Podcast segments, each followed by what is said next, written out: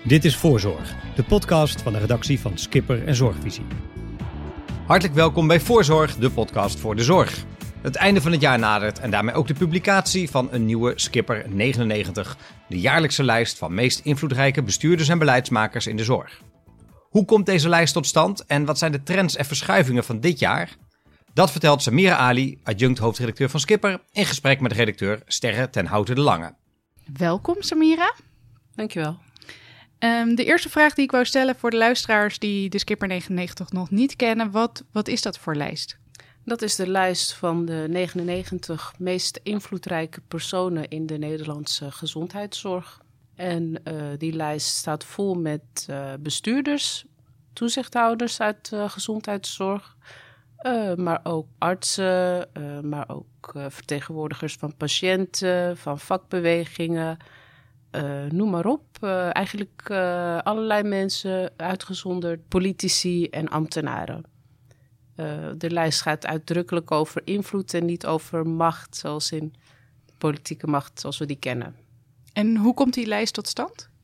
Dat is het geheim van de Smit. Dat mag ik niet verklappen.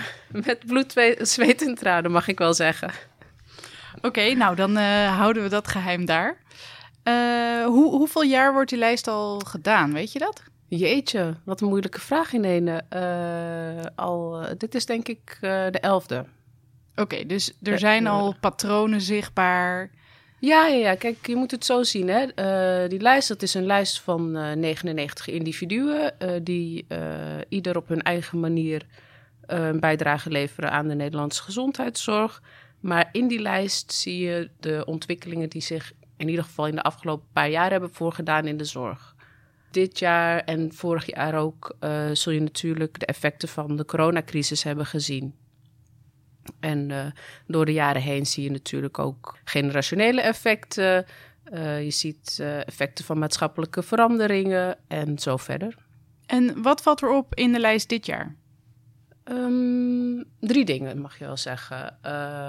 in de eerste plaats zie je dat vaak niet zozeer de bestuurders in de gezondheidszorg meer zijn die in beeld zijn in het publieke oog als wel uh, heel vaak uh, zorgverleners, andere zorgprofessionals. Uh, of het nou de witte jas van de dokter is, of het uniform van de verpleegkundige of de verzorgende. er gaat eigenlijk bijna geen dag voorbij, geen journaal voorbij. Er gaat geen talkshow voorbij zonder dat er aandacht is voor zorgprofessionals. Terecht natuurlijk, want die werken zich al twee jaar uiteraard uh, voor ons allemaal.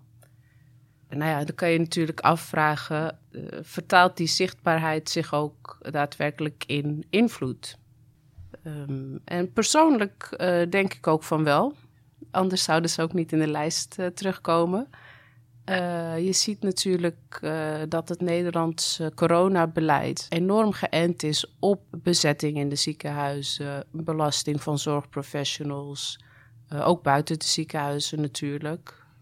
Dat is mede te danken aan nou ja, de, adviezen die zorgprofessionals geven. Hun roep om, om die plek ook te, te hebben bij, aan tafel.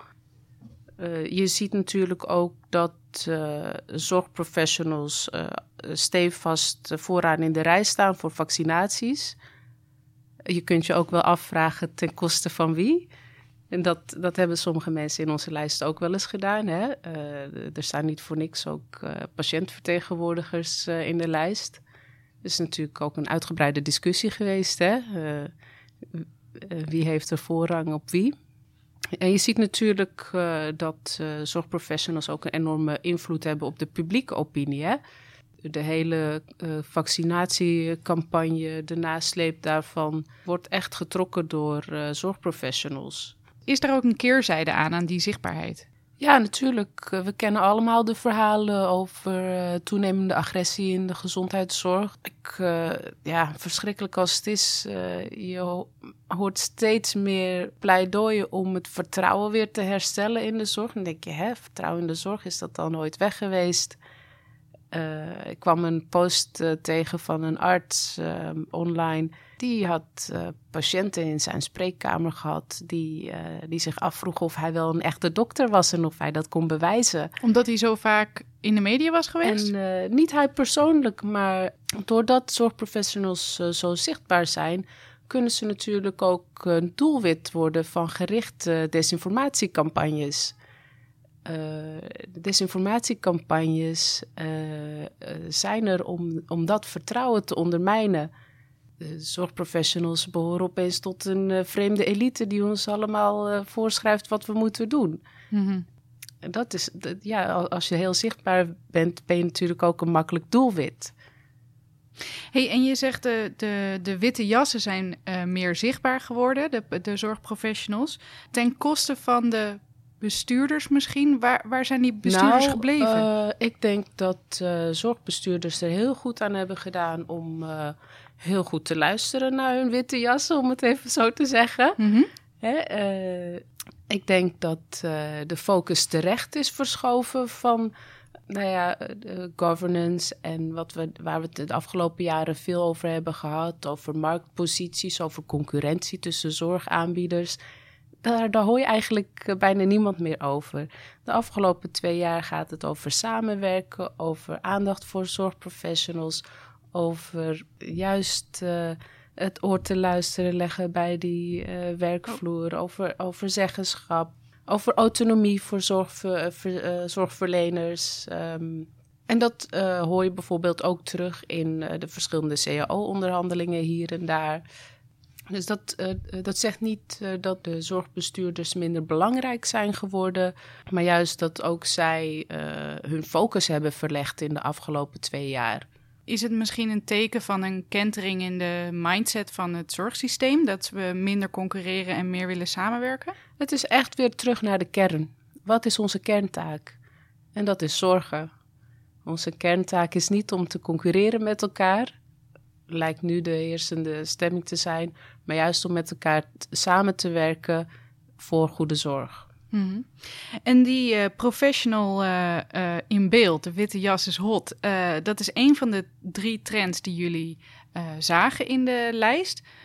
kun je wat vertellen over de tweede trend? Een tweede ontwikkeling die je duidelijk terugziet in de nieuwe lijst, in de nieuwe Skipper 99, is uh, als het ware een generatiewissel. Uh, net als in de rest van de samenleving zie je dat er een bepaalde generatie met pensioen gaat. En uh, dat creëert natuurlijk ruimte voor de generatie daarna om, om daarin te springen. En dat is wel leuk om te zien, hè? welke van de oudgedienden er met pensioen gaan. En dus misschien een stukje gaan zakken in de lijst. En welke nieuwe namen er daardoor in de top 10 zullen komen. Uh, en door de hele lijst heen natuurlijk. Zie je dan ook uh, dat de nieuwe generatie een andere manier van besturen heeft? Of dat er een kenmerk aan deze nieuwe generatie zit? Uh, ik zie wel dat deze generatie een stuk diverser is. Het aandeel vrouwen is een stuk groter, zoals ik het heb gezien. wat ik ook heb gemerkt uh, is dat er in steeds meer uh, zorgorganisaties een, uh, een, duaal bestuur is. En nou weet ik niet helemaal zeker of dat ligt aan een nieuwe lichting of nou, dat dat een bredere ontwikkeling is die, die al langer gaande is in de gezondheidszorg. Maar het duidt erop dat um, zorgbesturen ook steeds meer teamwork is. In plaats van een raad van bestuur met een voorzitter, heb je een tweehoofdig bestuur waarin uh, de twee duidelijk uh, gelijkwaardig zijn aan elkaar en uh, beslissingen ook meer gemeenschappelijk worden genomen. Bedoel je dan met duaal bestuur ook een um, bedrijfskundig uh, iemand of met, meer met finance achtergrond en meer zorgachtergrond? Ja, in de afgelopen jaren hebben natuurlijk de, de verenigingen van toezichthouders en andere organisaties er ook uh, op gewezen van hey, let op, uh, er komt steeds meer kijken bij het zorgbestuur. Let erop dat, dat je ook iemand in huis hebt die verstand heeft van ICT, die verstand heeft van vastgoed, want dat zijn allemaal opgaves waar we mee te maken hebben. Uh, dus je ziet ook in die zin meer diversiteit uh, in de besturen. En is die diversiteit dan dus achtergrond en meer vrouwen?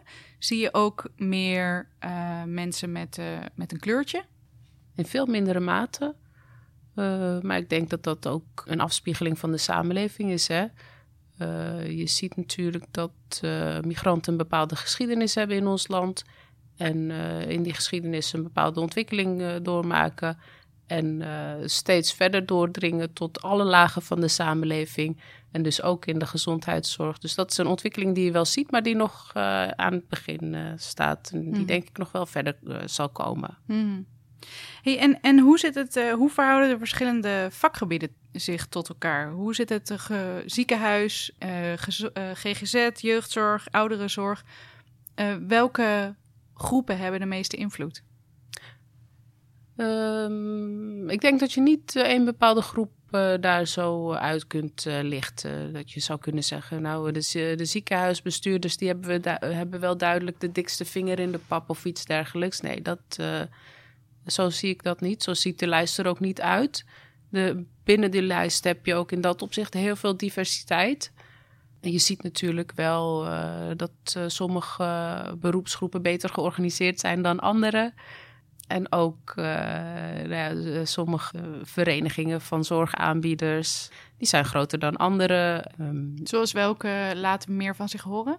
Nou, ik denk dat uh, een partij als, uh, als de NFU, de Nederlandse Federatie van UMC's, dat dat een partij is die, die goed georganiseerd van zich laat horen. Maar hetzelfde geldt uh, bijvoorbeeld voor uh, de vakbewegingen, hè? voor de CNV en FNV, voor uh, nu 91, voor VNV en als, dat is dan niet een bond, maar een, een beroepsvereniging. Dus de vakbonden hoor je, hoor je ook vaak, hoewel je toch vaak hoort dat er minder mensen lid zijn van een vakbond. Steeds minder mensen lid worden van een vakbond. Ja, en, uh, dat, dat is een ontwikkeling die je uh, door alle sectoren heen ziet natuurlijk. Hè. Dus dat zal in de gezondheidszorg uh, niet minder het geval zijn. het afgelopen jaar heb je natuurlijk wel flink wat actiebereidheid gezien. Omdat de omstandigheden natuurlijk heel moeilijk, steeds moeilijker werden. Um, en omdat er ook een stukje achterstallig onderhoud uh, nog nodig was natuurlijk. Hè. Je, je ziet de, de, dat heel veel CAO-onderhandelingen bij de UMC's, bij de ziekenhuizen, de VVT, echt draaien om een eerlijke beloning. Dat maakt mensen natuurlijk meer bereid tot actie. Samenvattend dus, zien we meer witte jassen in de lijst? Is er een generatieschuiving aan de, aan de gang en Ten derde zie je meer diversiteit in de lijst. Uh, nu je de lijst gezien hebt en de ontwikkelingen die, daaruit, die daaronder liggen eigenlijk, zijn er onderwerpen die je aan de redactie meegeeft om het komend jaar op te letten? Let vooral ook op die nieuwe namen in de lijst. Hè. Voor ons zijn ze misschien nieuw, maar uh, wie weet uh, wat voor goede ideeën ze hebben. Hoe lang ze al aan de weg timmeren. Want je komt natuurlijk niet zomaar in de Skipper 99. Um, ja, doe als de zorgbestuurders uh, en leg je oor te luisteren bij uh, de zorgprofessionals. En vergeet uh, de oudgedienden niet te snel. Want mensen die de sector verlaten hebben of op punt staan om die te verlaten, die willen misschien nog wel eens wat boekjes open doen over hoe het vroeger ging. Nou, dankjewel. Dat zijn uh, drie mooie opdrachten voor komend jaar voor onze redactie en voor alle luisteraars die dus in de lijst staan of stonden. Hou je telefoon in de gaten. Um, wij komen bij u terug. Samira, heel erg bedankt voor de uitleg. En als je de hele lijst wil bekijken, dan kan dat op www.skipper.nl. Uiteraard. Heel erg bedankt. Jij ook bedankt. Tot zover deze aflevering. De nieuwe Skipper 99 wordt online bekendgemaakt op dinsdag 21 december. Wilt u zien wie erin staan? Houd dan vooral skipper.nl en onze social media kanalen in de gaten. Deze podcast werd opgenomen en gemonteerd door Sterren ten Houten Lange. De muziek is gemaakt door Bram Brouwers. Namens de hele redactie dank ik u hartelijk voor het luisteren. Wens ik u alvast fijne feestdagen en zeg ik heel graag tot de volgende voorzorg.